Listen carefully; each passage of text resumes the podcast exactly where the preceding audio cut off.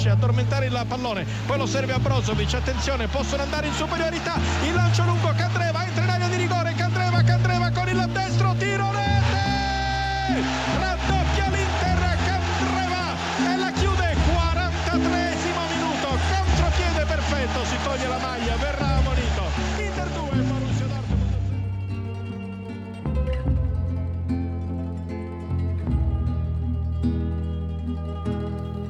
Het is eh, donderdagmiddag, of donderdagavond moet ik dan al zeggen. Ehm, iets na vijven, bijna borreltijd.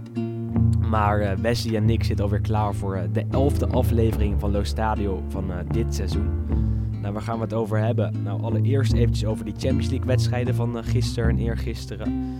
Daarna kijken we nog even terug naar het afgelopen speelweekend van de Serie A, waarin hartstikke veel gebeurde en hartstikke veel doelpunten vielen. En als eh, allerlaatst blikken we nog even vooruit op het eh, speelweekend van eh, zaterdag en zondag. Waarin ook heel veel mooie wedstrijden op het programma staan. Wes, we gaan beginnen bij die Champions League. Nou, allereerst even een vraag aan jou. Alles goed? Ja, prima. Netjes. Je op jij borrelt tot donderdag hoor ik dus. eh. nou ja, tenminste, bij- wij, tenminste, normaal gezien is het toch een vrijmibo of een uh, nou ja, domibo. is, dat eh, is in Leiden blijkbaar heel erg, eh, heel erg normaal. het is jammer dat ik morgen nog tentamen heb. Als ik dat niet had gehad, dan had ik misschien nog wel een, eh, een, een biertje open kunnen trekken. Maar vandaag helaas het was niet. studentenavond geloof ik, hè, zo donderdag. Zeker, ja. Nee, het is een mooie avond altijd donderdag. Maar voor mij niet helaas. En voor heel Leiden bijna niet, want iedereen zit nog vol in de studieboeken. Dus eh, misschien vanaf morgen weer. Dan ben ik in ieder geval klaar. En eh, is er genoeg Nee, maar verder tijd. gaat, het, eh, verder gaat het prima. Gelukkig, gelukkig. Jij gisteren en eergisteren naar die Champions League gekeken? Dinsdag wel, Juve tegen Lokomotief. Dat was geen topper. Nee. Ehm, nou goed, er werd uitgezonden op Veronica, kwam ik later achter. Want ik viel ietsjes later, later in. Ik moest, voor mijn werk moest ik naar de persconferentie van Ajax voorafgaand aan hun Champions League wedstrijd. Doe maar. Dus ik kwam net binnen gewandeld om 9 uur. Dus ik dacht van ja, ik ga ervan uit dat het nergens wordt uitgezonden. En toen zag ik inderdaad bij Ziggo ergens op het derde kanaal dat hij dat die er stond. Uh, dus ik heb hem daar lekker op Italiaans commentaar gezet. En toen pas ergens halverwege zag ik dat hij ook gewoon op Veronica was. uh, dus toen ben ik wel even overgeschakeld. Maar goed, ja, de wedstrijd zelf was niet echt, niet echt best. Um, locomotief op voorsprong. En João Mario, de, jouw lieveling. Mijn grote vriend. Was, die speelde echt fantastisch. Maar... Het was echt heel goed. Ik weet, ik weet niet wat die gozer heeft gedaan. Maar die speelde echt... iedere bal was goed. Iedere aanname was goed. Echt alles ging goed bij hem. Um, Misschien goed, is de kou wat uh, beter voor hem. Ja, ik weet het niet. Maar uh, uiteindelijk dan die Bala natuurlijk met twee geweldige goals. En dan zie je toch wel dat uh, die klasse van ook individuele spelers de, de, doorslag geeft. Ook al mocht hij natuurlijk eigenlijk vertrekken deze zomer. Maar goed, hij is in de Champions League is hij toch wel heel erg belangrijk. Ik zag aan de statistieken dat ze 13 de Champions League goal was, geloof ik. Uh, en dat alleen uh, Platini, Trezeguet, Inzaghi en nog iemand meer hadden gescoord dan hij in uh, het miljoenenbal. Dus dat is natuurlijk een prima statistiekje. Toch heeft Juve het best wel lastig tegen iets kleinere tegenstanders. Als we locomotief daar ook tot mogen scharen. Dat zag je ook dit keer weer, toch? Met het middenveld dat gewoon niet echt heel veel creativiteit herbergt. En je zag wel dat ze heel veel moeite hadden om langs die verdediging van, van de Russen te spelen. Is dat waar? Ja, toch? Ja, nee, op zich wel. Het is natuurlijk, uh, we weten allemaal dat die creativiteit op het middenveld is natuurlijk wel een van de, de zwakke plekken van dit Juventus. Maar goed, het is natuurlijk ook heel lastig spelen tegen zulke teams die zich, ja, zeker nu uh, die Russen, die, ja, die groeven zich gewoon compleet in. Uh, die kwamen er inderdaad uit. En ongeveer de enige keer dat ze goed voor de goal kwamen, vloog die bal erin. en die hoeven daarna natuurlijk echt niks meer te doen. En dan is het gewoon ook heel lastig voetballen. Uh, wel bijzonder inderdaad dat nu Rodrigo Bentancur opeens op 10 stond. Uh, Belachelijk eigenlijk. wordt ook een beetje omgevormd eigenlijk. Uh, nou goed, het is, hij deed niet slecht. Hij heeft natuurlijk tegen Inter gaf hij de assist op, op Higuain. Dus het is wel een positie die hij eventueel kan spelen. Uh, maar ik denk dat ze inderdaad daar nog wel echt een beetje moeten schuiven. Um, maar ja, het, het, is inderdaad weer niet overtuigend qua scoren. Uh, ditmaal wel qua spel, want ze waren echt gewoon drie keer zo, drie keer zo goed als locomotief misschien. En je staat gewoon ja, eerst blijft... in een pool met Atletico, met ja. locomotief en met Bayer Leverkusen. En je bent eigenlijk na drie wedstrijden al zo goed als door. Dus wat dat betreft ja. is het wel hartstikke knap natuurlijk. Nou goed, kijk, eigenlijk is het natuurlijk vooral Leverkusen de grote tegenvaller. Die hebben er nu gewoon drie gespeeld, drie verloren. Want dat was eigenlijk de enige waar ik nog wel een beetje... Nou goed, kijk, Atletico en Juve, dat zal toch 9 van de 10 keer wel 1 en 2 worden. Maar je weet als zo'n Bayer Leverkusen, wat het in de Bundesliga natuurlijk uh, ook niet heel erg slecht doet. Uh, als die een keer stunten, dan uh, kun je er zo uitliggen en dan speel je Europa League voetbal. Maar ja goed, Peter Bos heeft het nog niet echt uh, Europees op de rit daar in ieder geval. Maar ja, win je over twee weken in Moskou zelf, dan, dan ben je door. Dan sta je met 10 punten bovenaan. eh, nog steeds. En dan, eh, dan mag je je al gaan, eh, gaan klaarmaken voor die knock-out fase. En dan ben ik wel benieuwd of Juventus eh, zich kan meten met die absolute topteams. Ik bedoel, als er tegen Manchester City eh gelood worden, als dat kan. Hè, het ligt eraan of ze tweede of eerste worden. Hetzelfde geldt voor Manchester City. Maar ben ik benieuwd of Juventus eh, ze dan al aan kan. Want op dit moment zou ik toch zeggen van niet, eerlijk gezegd.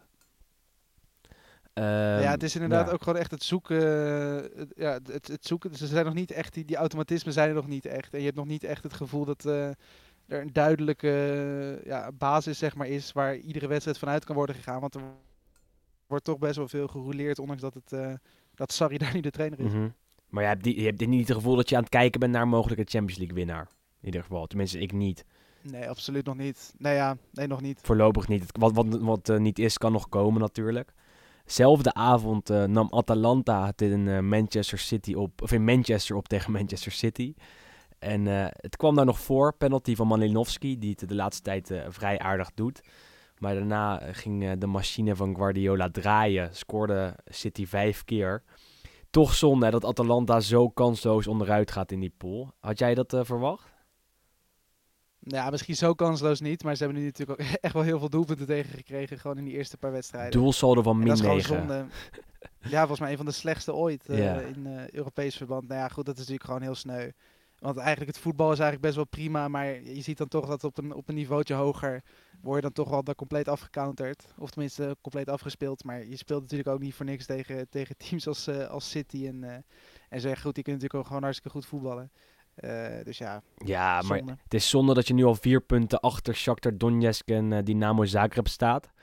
Wat eigenlijk inhoudt dat je nu twee keer moet winnen om, om zelfs maar zeker te zijn van die Europa League. Aan de andere kant misschien wel een voordeel als Atalanta uit wordt geschakeld in die Champions League. En zich ook niet plaatst voor de Europa League via een eh, derde plek. Dat ze zich dan vol kunnen focussen op die competitie waar ze op dit moment derde staan. En zich misschien dan volgend jaar eh, weer kunnen meten in de Champions League met die topploegen. Want eh, het ziet er naar uit dat ze bij de eerste vier kunnen gaan eindigen, aangezien de rest allemaal niet zo goed draait. Schrik jij dan niet van het effect, of tenminste van het verschil tussen de nummer drie in de Serie A van vorig seizoen en de nummer 1 van de Premier League, of de nummer 2 van de Premier League eigenlijk? Want dat, dat is wel echt gigantisch, Nou, hè? Ja, maar goed, dat weet je ook. Het is ook gewoon, als je alleen al kijkt inderdaad naar de begroting. eh, goed, kijk, een nummer 3 in de, in de Serie A kan natuurlijk ook net zo goed een Inter of een Milan zijn. En dan heb je natuurlijk nog wel een ander verhaal. Maar goed, Atalanta Nou ja, Milan. echt een begroting van niks eigenlijk. Nee, maar goed, meer qua geld en, Ja, de ja, ja. mogelijkheden die er eventueel achter zitten. En goed, ja, je weet gewoon dat, eh, dat bij Manchester City, ja, je weet eh, hoeveel geld daarin wordt gepompt ieder jaar. En ik denk dat inderdaad zo'n Cancelo is volgens mij al het dubbele van wat, ze, wat Atalanta de afgelopen twee jaar bij elkaar heeft uitgegeven. Dus ja, dat zegt denk ik al genoeg. En eh, ja, Nee, ja, leuk dat Atalanta er niet vol mag spelen nu in de Champions League. Maar ik denk dat het eh, nog niet zo ver is. Zeker qua breedte en qua eh, ervaring op dat niveau kunnen ze echt nog, eh, nog lang niet mee eigenlijk. Nee, het is natuurlijk een, een, een hele ervaring en het is gewoon nog steeds een sprookje dat zo'n soort provincieclubje opeens in de Champions League speelt. Aan de andere kant mag je dan wel hopen dat ze winnen van ploegen als eh, Dynamo Zagreb en Shakhtar. En dat is tot op heden nog niet gebeurd. En wat dat betreft is misschien wel een kleine teleurstelling. Ehm, al mag je misschien niks van de mannen van Gasparini verwachten hoor. Geen er- eigenlijk weinig tot geen ervaring op, eh, op het allerhoogste niveau, dus de Champions League. En eh, daardoor zag je ook dat ze in die eerste speelronde met 3-0 verloren bij, eh, bij Zagreb. Nou, nou, nou is de taak om in ieder geval thuis van ze te winnen straks. En ja, misschien nog een gel- gelijkspelletje tegen City thuis in San Siro. Er nog een beetje druk op te houden. Vooralsnog is het in ieder geval een beetje een kansloos verhaal. Ehm, een dag later, gisteravond, eh, nog twee Italiaanse ploegen in actie. Eh, Napoli ging op bezoek bij Red Bull eh, Salzburg. Op voorhand een vrij lastige, lastige wedstrijd, denk ik. Want een goede spits hebben ze daar, Halland, die gisteren ook weer scoorde. Maar Napoli kwam er goed langs, hè? Toch met 2-3. Goede overwinning. En zo goed als, Ja, nee, goede overwinning. en zo goed als naar de volgende ronde door ook. Kan je, kan je wel Ja. stellen, denk ik. Ja, nee, dat is sowieso positief. Nou goed, we hebben Salzburg geloof ik ook vorig seizoen al een keer gezien. Ik weet niet of het toen tegen Napoli of tegen Lazio was of tegen allebei. Tegen, tegen Lazio dacht ik in de, in, de, in de Europa League, inderdaad. Europa League was het toen inderdaad. En ja, goed, kijk, dat is gewoon een lastig team. En ze hebben natuurlijk ook ooit eh, Ajax compleet van de mat getikt, weet ik nog. Met Soriano. Eh, dat is echt.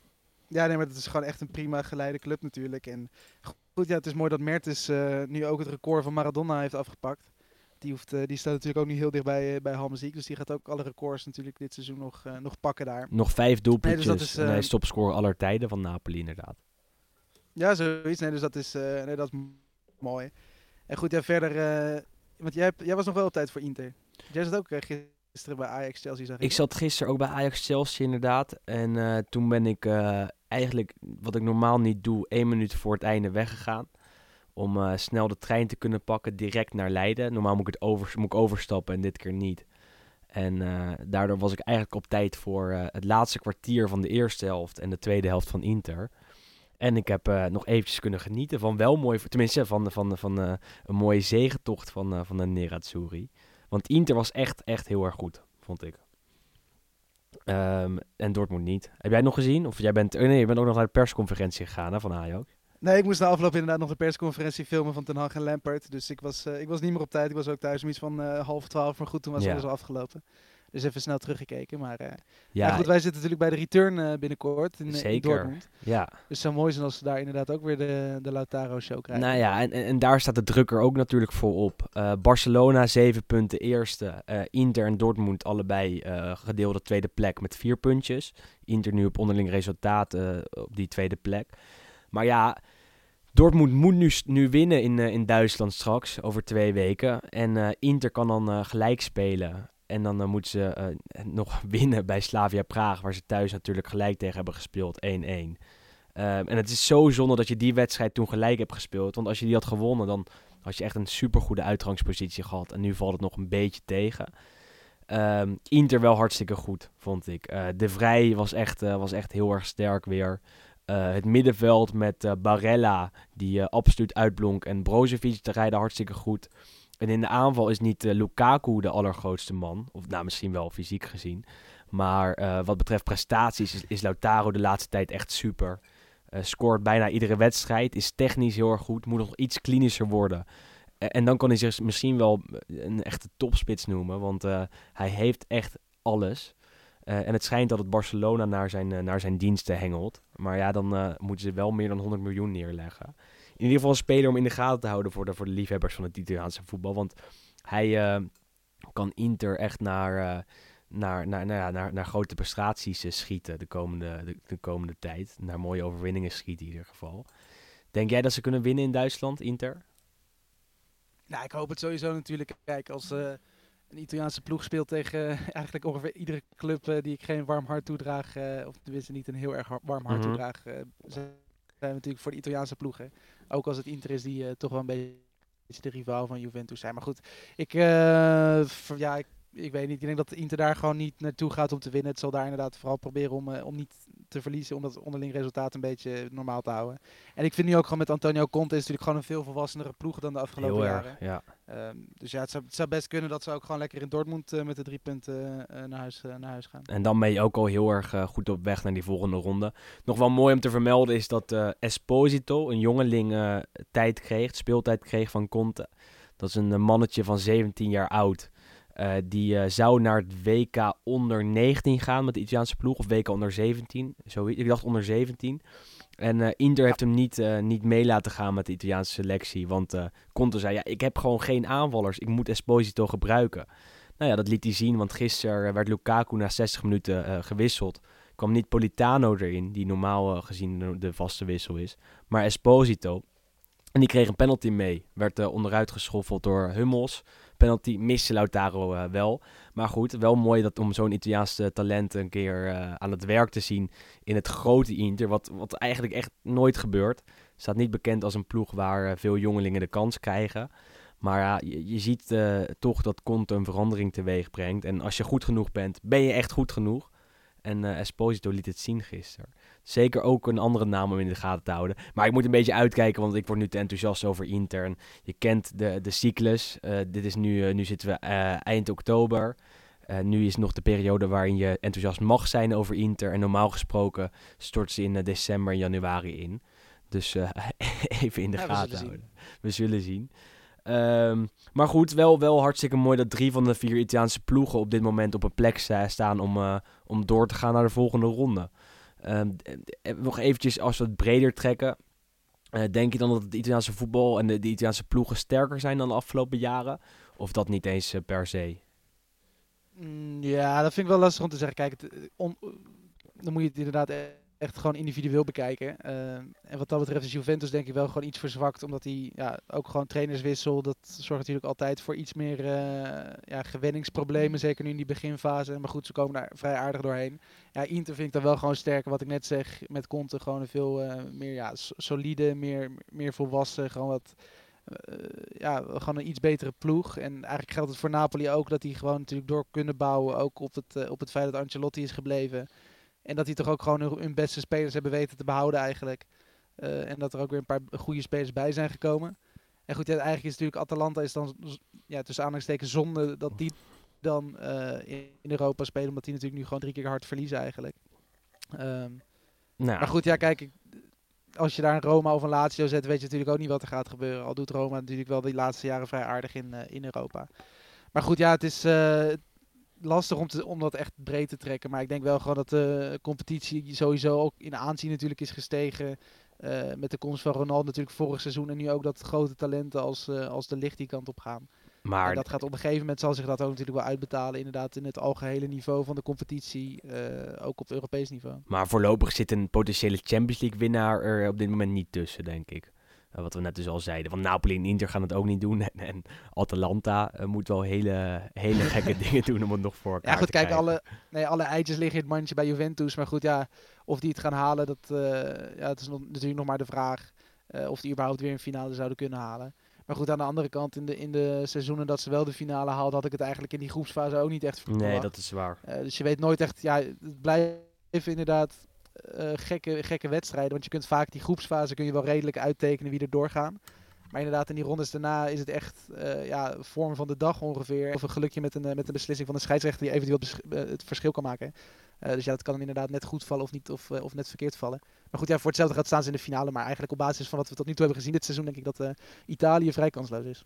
Dat denk ik ook. en dan nog even in de Europa League kijken, want die spelen weliswaar nog zo meteen. want wij nemen de podcast op voor die wedstrijden. Uh, maar Roma ontvangt de Gladbach en uh, Celtic gaat op bezoek, of uh, Lazio gaat op bezoek bij Celtic. Um, ook twee mooie duels, hè, toch om eventjes te kijken hoe die, hoe die twee ploegen doen in Europa. Want in de Serie A draaien ze nog niet zo lekker. Maar vooralsnog lijkt het er wel op dat ze allebei doorgaan naar de volgende ronde. Ja, nee, dat sowieso. Kijk, Borussia Mönchengladbach staat tegenwoordig eerst in de Bundesliga, dus die kunnen echt wel voetballen. maar goed, ja, Roma hoort natuurlijk gewoon thuis eigenlijk alle wedstrijden te winnen, ook, ook in Europa. En goed, ja, Lazio is me eigenlijk toch best wel een beetje tegengevallen. Natuurlijk sowieso in de, in de competitie gaan we het zo nog even over hebben. Zeker. Ondanks die 3-3 tegen Atalanta natuurlijk nog niet echt, uh, ja, eigenlijk verre van overtuigend. En die hebben natuurlijk ook al verloren bij Cluj. Ja, uh, in Roemenië. Dus ja, het, het, het, is gewoon nog niet echt heel erg veel. Dus ik vrees eigenlijk dat, uh, dat Lazio vanavond niet gaat winnen. En nou, Rome dan misschien wel. Um, maar goed, het zijn in ieder geval wel weer leuke wedstrijden. En eigenlijk affiches misschien wel van, uh, van Champions League niveau. Zeker, ook even in de gaten houden. En Lazio staat inderdaad op een derde plek. Dus die moeten winnen bij Celtic in, uh, in Glasgow. Dus uh, ik denk dat de luisteraar pas, pas morgen de podcast terugvindt op een favoriete mediaplatform. mediaplatform. Maar ja, wie weet, wij gaan er even voor zitten, denk ik. Waar we ook voor zijn gaan zitten zijn de wedstrijden van de Serie A van afgelopen weekend. Er stonden echt een heleboel mooie wedstrijden op het programma.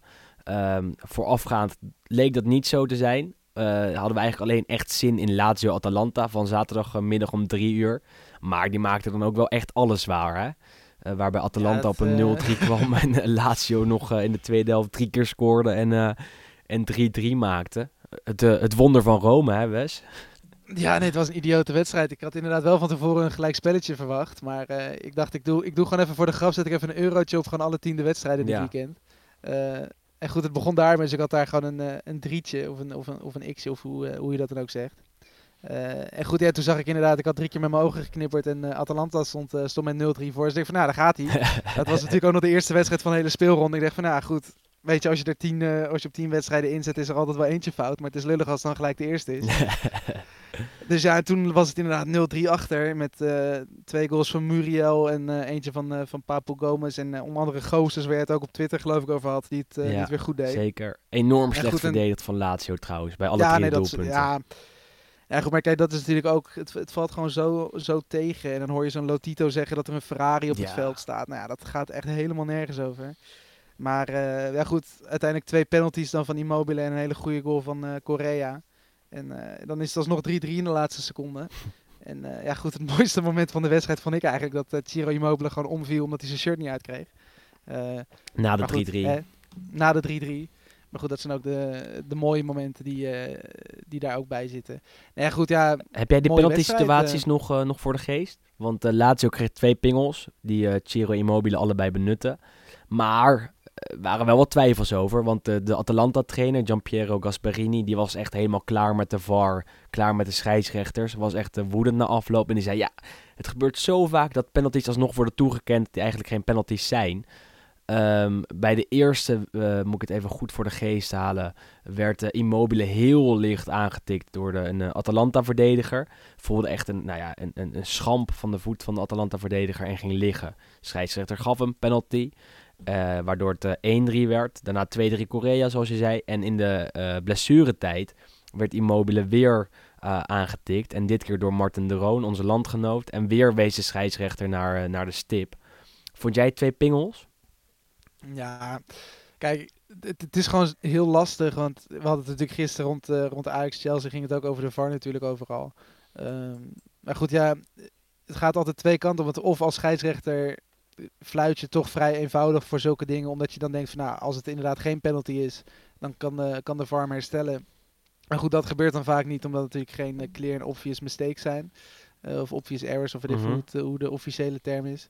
En goed, andersom is het natuurlijk eigenlijk hetzelfde, dat via zo'n VAR waar de beelden natuurlijk ook echt in slow motion binnenkomen, lijkt het contact ook 9 van de 10 keer gewoon veel heftiger. En dan gaat die bal alsnog op de stip. En dat is gewoon ook een beetje het, het nadeel. Maar ja, goed. Het is in ieder geval voor de wedstrijd uh, was, was het mooi dat er uiteindelijk dan nog een, een 3-3 uitkomt. Ja, zeker. Maar ik kan wel begrijpen dat zo'n Gasperini ook gek wordt. En zeker ook omdat die laatste penalty eigenlijk heel slecht wordt ingeschoten en dat Golini bijna eruit haalt.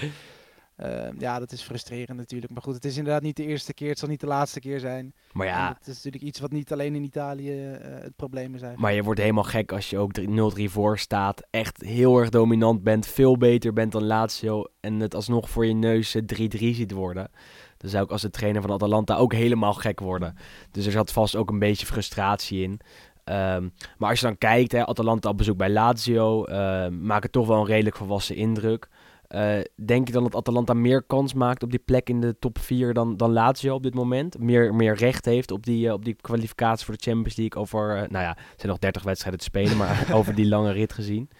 Ja, goed, dat sowieso. Ik vind Atalanta gewoon zeker binnen Italië, doen niet gewoon heel goed. En die spelen gewoon heel erg, ook reëel voetbal.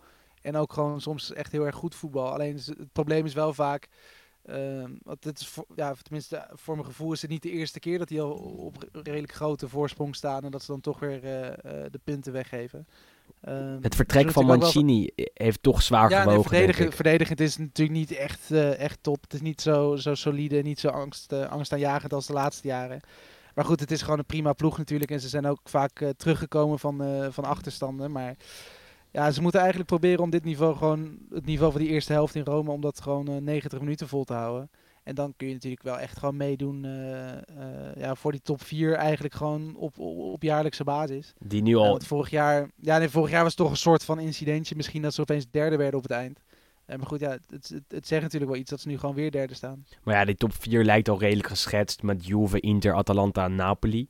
Want uh, Juve won van Bologna uh, weliswaar met veel pijn en moeite. Ze staan nog steeds eerste. Um, nou ja, laten we het daar direct maar gewoon eventjes over hebben. Hè. Um, want um, het was wat we net ook al zeiden in de Champions League heeft Juve heel veel moeite met uh, ploegen die uh, redelijk verdedigend staan om er doorheen te komen. Toen scoorde Ronaldo de 1-0, leek er niks aan de hand. Toch nog 1-1 door Danilo in, in de eerste helft. En toen ging Bologna opeens wel voetballen hadden ze best wel kunnen scoren met de Orsolini ook nog. Uiteindelijk is Pjanic via een flipperkast goal de redder in nood. Maar wat er dan in de slotfase gebeurt, kan jij misschien beter beschrijven. Want dat was ook uh, allemaal bizar, hè? Ja, nee, goed. Het is inderdaad verre van overtuigend. En dat is gewoon ook het probleem. Dat het blijkbaar ook gewoon niet echt in het DNA van die spelers zit. Om zo'n wedstrijd, als je dan inderdaad voorstaat tegen toch wel iets mindere goden van Bologna. Om dan ook gewoon door te blijven voetballen. En gewoon echt door te blijven scoren ook. Want je hebt ook niet echt het gevoel dat. dat ik heb natuurlijk al vaker gezegd ook hier. Dat, dat Juventus even ergens, als het op een gegeven moment op een 2-1 voorsprong komt. Dat het gewoon 3-1, 4-1, 5-1, 6-1 wordt. Wat je natuurlijk in het buitenland wel ziet bij een City of een uh, Paris Saint-Germain of een mm -hmm. Bayern München. Dat als op een gegeven moment die band gebroken is, dat ze er gewoon echt compleet overheen klappen. En dat mis je bij Juventus uh, ja, wel. En dan inderdaad in de laatste minuut moet je worden, worden, ja, moet je worden gered door een 41-jarige keeper. ja, dus natuurlijk, uh, ja, goed, Buffon is natuurlijk wel iemand van, van status. En op wie je kan rekenen natuurlijk. Ja, nee, goed, kijk, die hoort natuurlijk ook wel te staan, maar wel een fantastische redding nog uh, echt op de lijn. Deed een beetje denken, werd op Twitter ook al door heel veel mensen vergeleken met die redding in de WK-finale. Van 2006, hè, voor de duidelijkheid. um, nou goed, ze hebben al een tijdje geen uh, WK-finale meer gehaald natuurlijk. Maar... Ja, goed, kijk, ja, dat is, uh, ja, eigenlijk best wel... Ja, ik, ik, kan er niet echt een mooi woord voor, voor, voor, verzinnen. Schandelijk misschien. Dat je eigenlijk dan nog in de laatste minuten echt zit te billen knijpen in een thuiswedstrijd tegen Bologna. Ook al doet Bologna dit seizoen eigenlijk vrij aardig, maar... En, en, ja. Maar daar heb je nog een paar discussiepunten, want... Uh, nou, vooral één discussiepunt waar het in de Italiaanse pers echt dagenlang over is gegaan. Uh, want er kwam een voorzet vanaf rechts van Bologna. Uh, Matthijs de Ligt die probeert de bal weg te schieten, maar die raakt hem niet goed. Glijdt weg en uh, ziet de bal tegen zijn hand eindigen bal weg. Uh, op een gegeven moment uh, is de bal uit, dus uh, is de VAR aan het kijken. En de VAR besluit dat de wedstrijd niet hoeft te worden stilgelegd. De scheidsrechter niet naar de monitor hoeft te gaan om te kijken. Maar dat het geen penalty was en dat Juve gewoon door mocht spelen.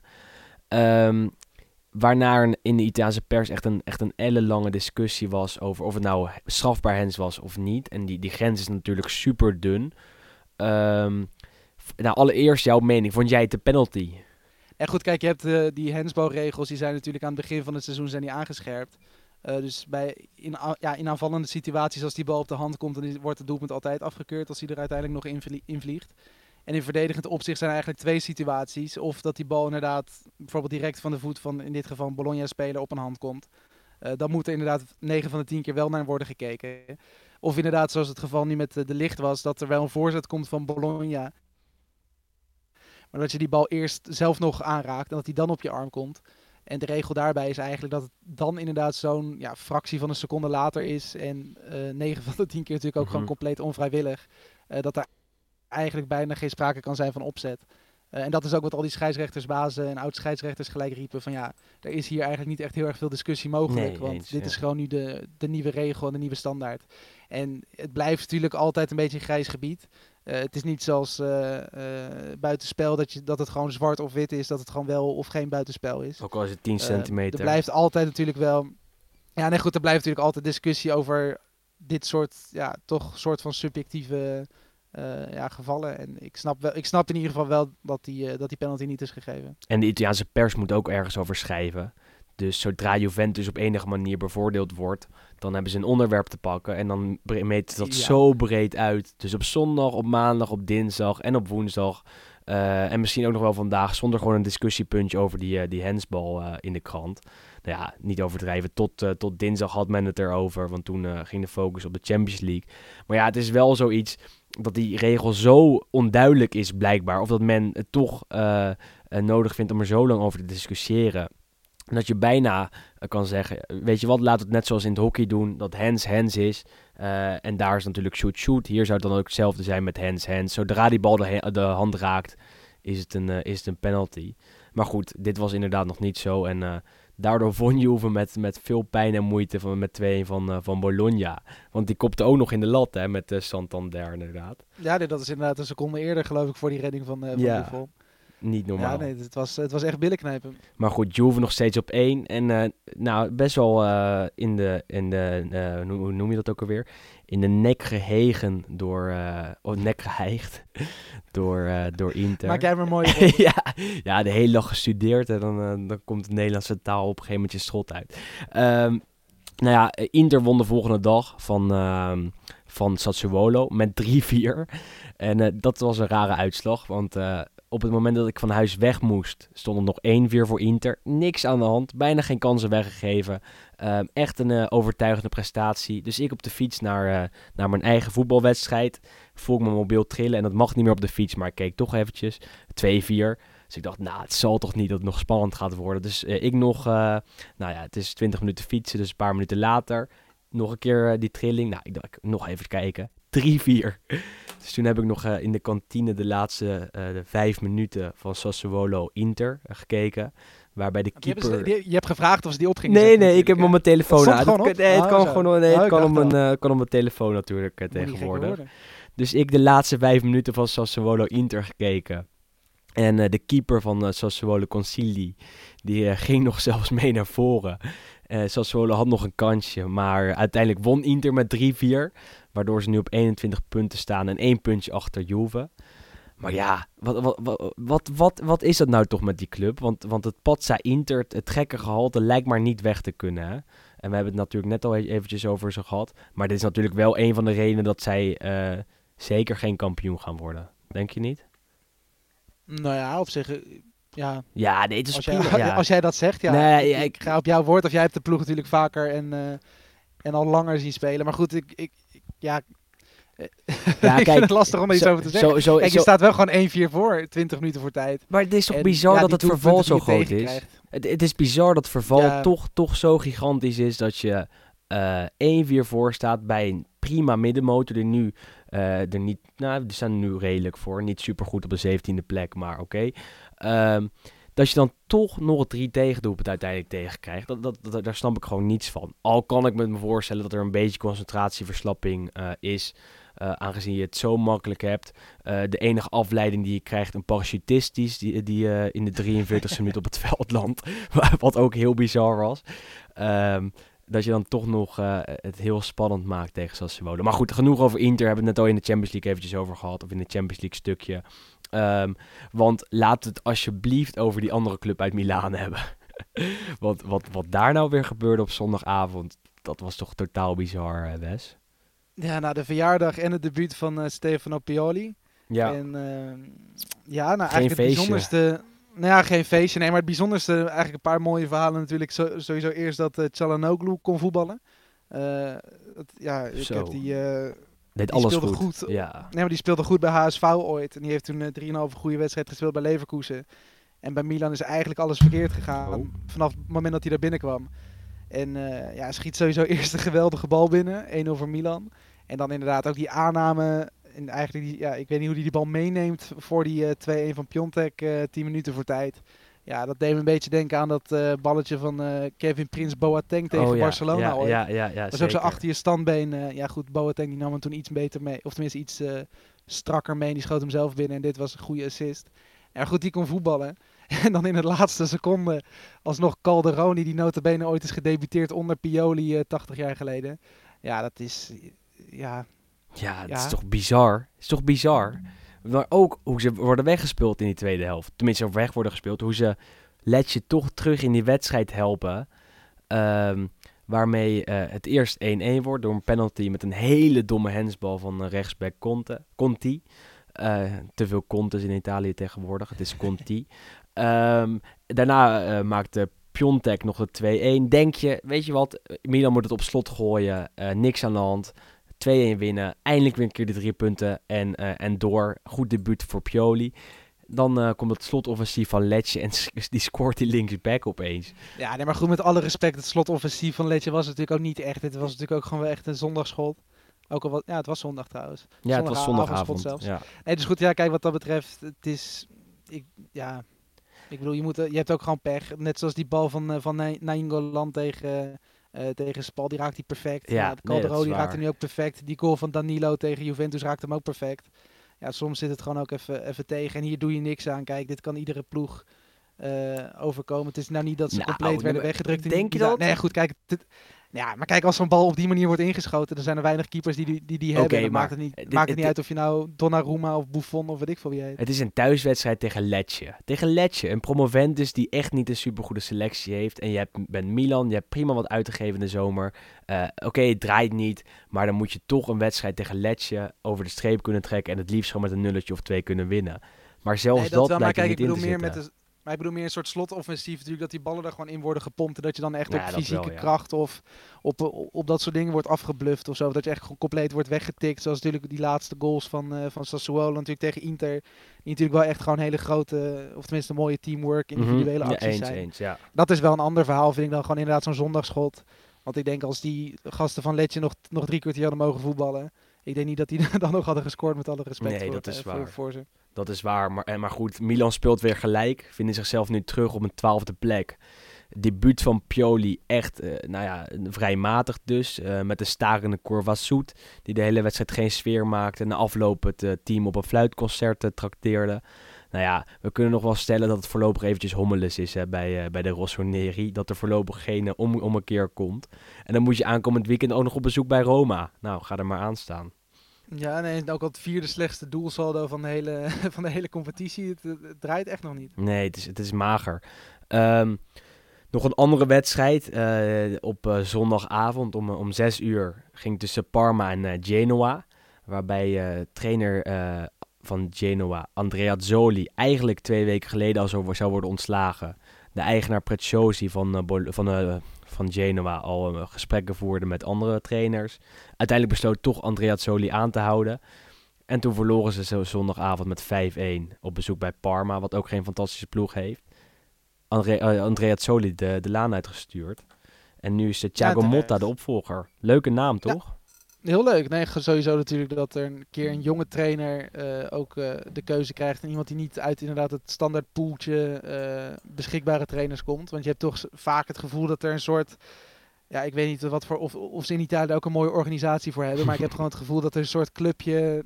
Ja, werkloze tra- trainers gewoon een soort touringcar... Het hele jaar het hele, door, eh, door Italië rijden. En op het Ja. moment dat er dan ergens eentje wordt eh, ontslagen... dat er dan eh, de, de volgende uit de touringcar springt. Ja, zeker. Nou goed, en dit is inderdaad wel een beetje uit, out of the box. Ehm, goed, de jonge trainer is, wat was hij, 39 geloof ik nog? Zoiets, nee, ja. jonger nog geloof ik. Onder de 40. Maar ja, het is de jeugd bij Paris Saint-Germain heeft hij gedaan. Maar goed, ik denk 272 mag je niet meer zeggen. Genoa nu echt de...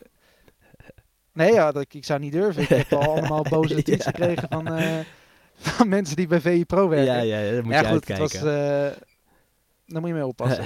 Nee, maar het is niet echt de, de ideale grond, denk ik, voor de start van een succesvolle trainerscarrière. Zeker ook gewoon door het gebrek aan geduld.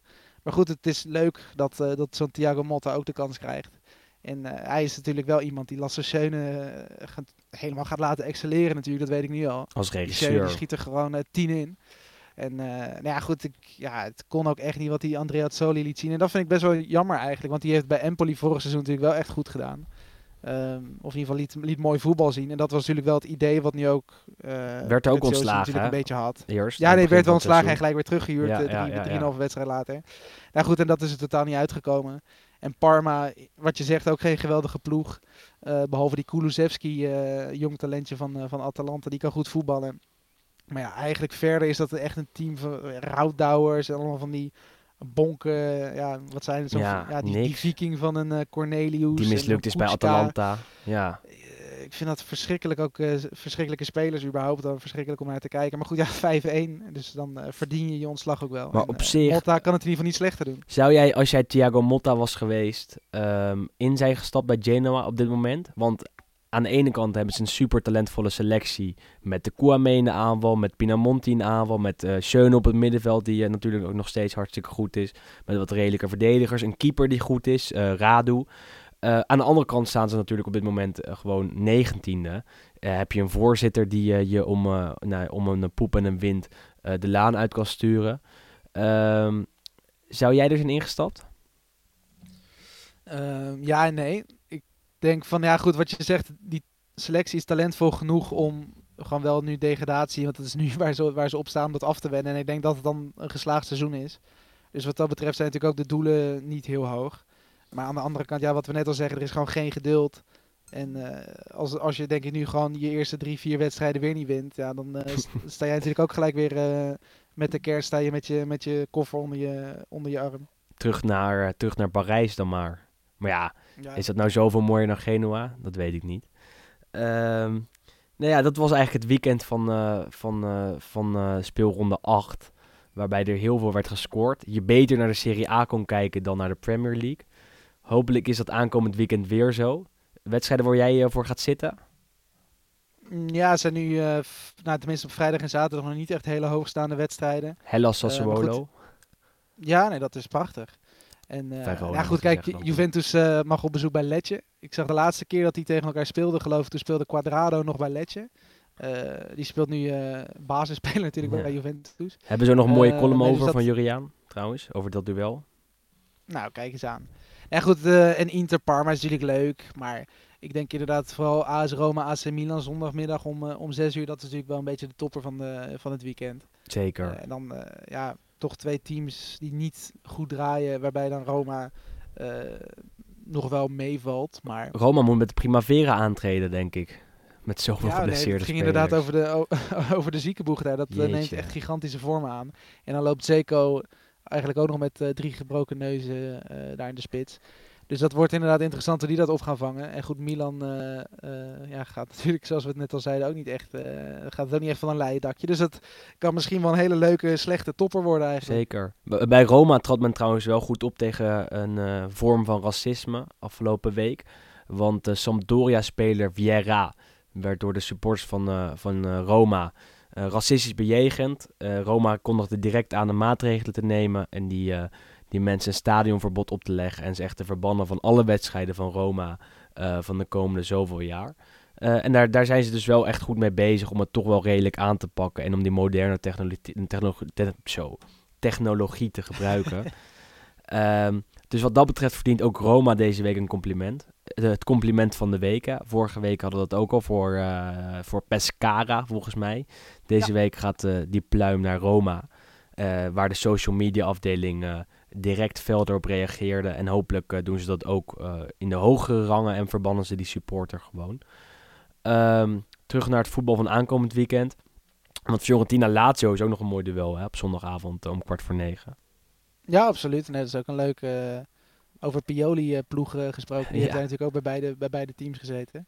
En dus het wordt een hele Pioli-volle avond, denk ik, zondagavond. Avondje Pioli. Kan je vanaf 6 uur blijven zitten. Eerst nog even de klassieker afkijken. En dan uh, door naar Roma-Milan.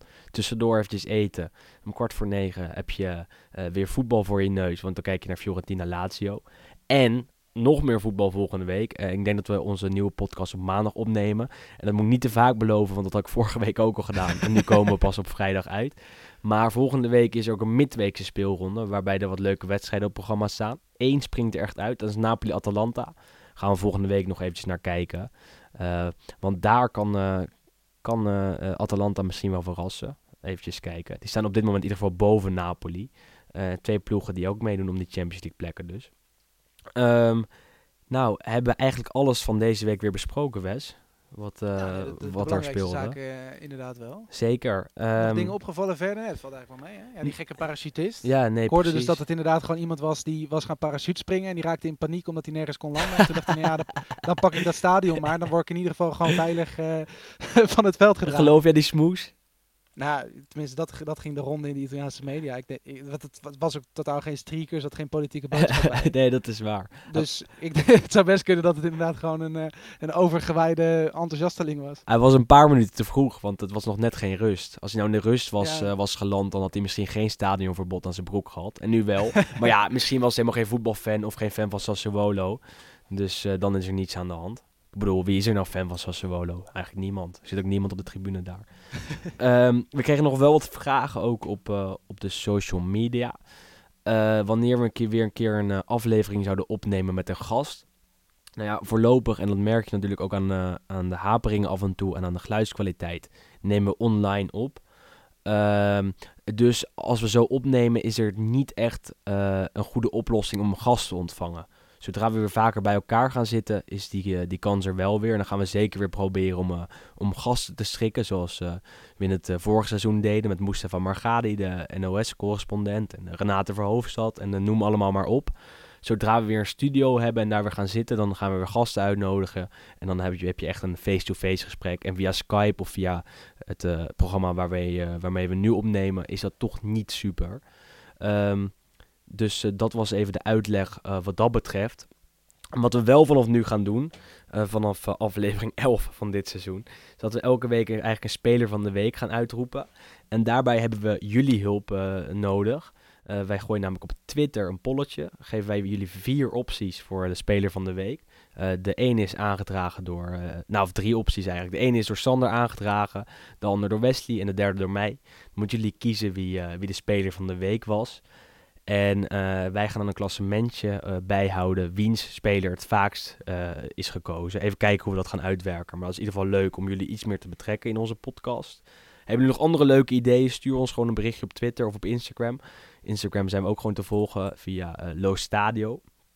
En uh, dan uh, verhogen we de engagement tot jullie toch weer een beetje. Wat natuurlijk zeker belangrijk is. Een hele mond vol.